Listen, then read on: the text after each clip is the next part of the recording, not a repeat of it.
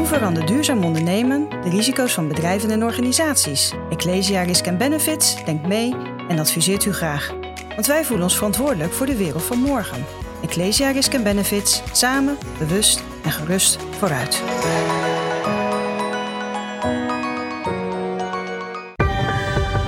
Ecosofie wordt mede mogelijk gemaakt door Renewy. Renewy. Minder nieuw, meer renew. Want afval bestaat niet. Wat jou drijft om je met deze problematiek bezig te houden? Want dat doe je volgens mij ook al een hele tijd. Ja, ik, uh, ik werk zelf uh, bij Buitenlandse Zaken. Dus ik ben al heel lang bezig met ja, ontwikkeling, met mensenrechten, met het beter maken van de wereld. En dat is ook eigenlijk wel een beetje wat mij, wat mij drijft. in, in alle bescheidenheid, hè? want ik denk dat het, het de wereld een stukje beter maken is voor mij, zeg maar, wat ik graag in mijn leven wil doen. Maar ik realiseer me ook dat dat werkt natuurlijk alleen als iedereen probeert om daar een klein stukje van te doen. Want je gaat nooit als één persoon de wereld uh, beter maken. Dat is echt iets wat je samen doet. En iedereen kan zijn eigen kleine bijdrage daaraan leveren. Hoe, hoe is het gelukt om deze afspraken met 193 ja. landen te maken? Want kijk, een klimaatakkoord, dat is één ding. Hè? En je, we moeten dus SDG zeker niet ver, verwarren met het klimaatakkoord van Parijs, dat ook in 2015 is gesloten. Klopt, ja, klopt. Maar dit is een agenda met 17 doelen. Uh, dat is nogal wat om daar met de wereld van te zeggen, nou, dit vinden we allemaal mooi. Ja, nou, ik denk dat uh, verschillende dingen spelen daarbij. Ten eerste is het een vrijwillige agenda, hè, terwijl Parijs is een verdrag. Dus dat hebben landen hebben zich daar ook aan verplicht. De SDG's zijn meer een moreel kompas waar landen zich aan gecommitteerd hebben. Dus daar zit een, een verschil in het niveau van uh, verplichting. Wat denk ik wel uh, heel goed gegaan is bij die onderhandeling, is dat de, de leidende de facilitatoren, heet dat dan in de VN, twee landen die de, die de taak krijgen om dat te leiden, zo'n onderhandelingsproces. Dat waren in, in dit geval Kenia en Ierland samen.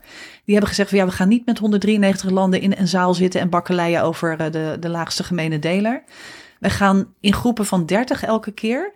En jullie zien zelf maar hoe je elkaar vertegenwoordigt gaan we dat gesprek voeren. En we vragen ook input, uh, niet alleen van overheden, maar ook van allerlei andere maatschappelijke actoren, zoals vakbonden, bedrijven, NGO's, jongeren. Um, en dat is een proces geweest wat een aantal jaar geduurd heeft, waardoor je toch eigenlijk een veel ambitieuzer resultaat met elkaar hebt kunnen bereiken. Uh, wat ik ook heel mooi vind aan die, uh, aan die uh, duurzame doelen, die SDG-agenda, is dat je daar eigenlijk verschillende uh, ambities op, wereldniveau samenbrengt. Uh, er zit een stuk in van de agenda die ging over verduurzaming en over klimaat, over biodiversiteit. Maar er zit ook uh, de agenda in die gaat over het mensen uit de armoede halen, mensen uit de honger halen. Zorgen dat iedereen een basisniveau van welzijn kan bereiken en zorgen dat iedereen ook gelijke kansen kan hebben. Dus die mensenrechtenagenda, de, de, de armoedebestrijding, de, de klimaatkant en de biodiversiteitkant, die zijn allemaal samengebracht in die 17 doelen. Daarom zijn het er ook 17. Uh, dat klinkt af en toe best wel veel. Maar tegelijkertijd is het heel mooi dat je erkent dat je armoede niet kan bestrijden zonder dat je ook klimaatverandering bestrijdt. Hè? Om maar even een voorbeeld te noemen van twee doelen die heel nauw met elkaar samenhangen. En dat al die doelen dus samen nodig zijn om tot een situatie te komen waar, menselijk, hè, waar de mens in welzijn kan leven, maar wat het ook veilig gesteld is voor de toekomst. En nou is het natuurlijk wel zo hè, dat we die verschillende doelen in samenhang met elkaar moeten behandelen. Ja, ja. Dat is een heel belangrijk punt van die SDG-agenda. En tegelijkertijd snap ik ook wel dat je, als je hier als organisatie, hè, dus dat kan, uh, hoeft niet per se een bedrijf te zijn, maar iedere organisatie kan zich hiermee bezighouden, dat je denkt, ja, alle 17 gaat niet lukken. We kiezen er een paar uit waar wij op gaan focussen. Um, hoe zie jij dat? Um, want dat vind ik altijd wel interessant. Want uh, ja, ergens moet je natuurlijk ook focus houden als je echt impact wil creëren.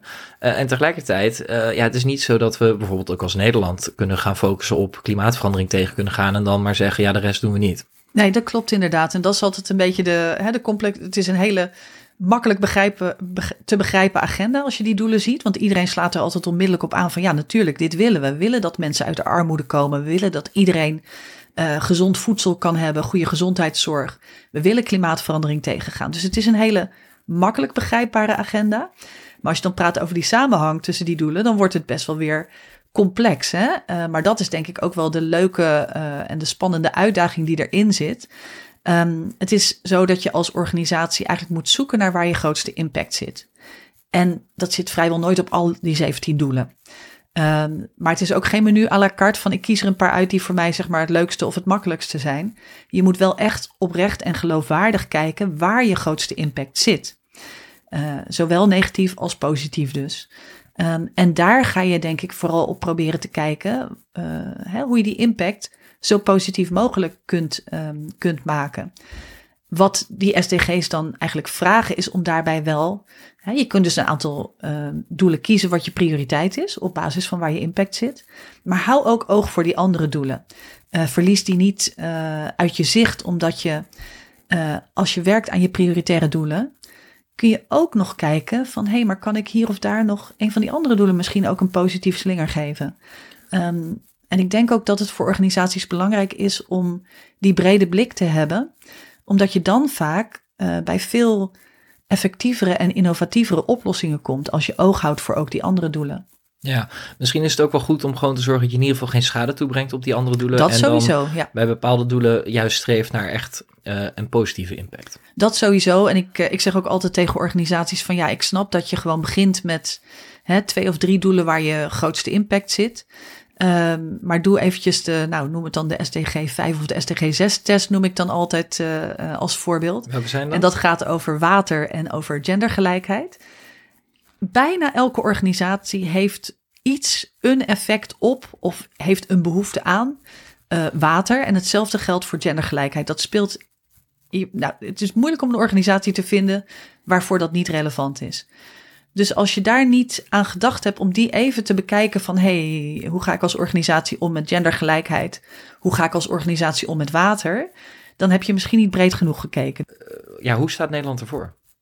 Nou, Nederland. Uh, uh, want je wereldwijd. Of... Het is natuurlijk interessant, want dit is een wereldwijde ambitie. Ja. Die zich op een bepaalde manier terugvertaalt naar hoe wij er in Nederland mee omgaan. Maar dat is natuurlijk heel anders voor ons dan voor ja, uh, Malawi of zo. Wat volgens mij heel slecht scoort op uh, sociale, uh, minimale sociaal niveau van welzijn. Ja, nee, en dat, dat, dat zie je natuurlijk ook. Uh, hè, als je per SDG-doel naar Nederland kijkt, dan scoren we op met name de sociale kant. Uh, maar ook bijvoorbeeld uh, de rechtsstaat natuurlijk. En toch ook wel het vertrouwen wat mensen hebben in instituties.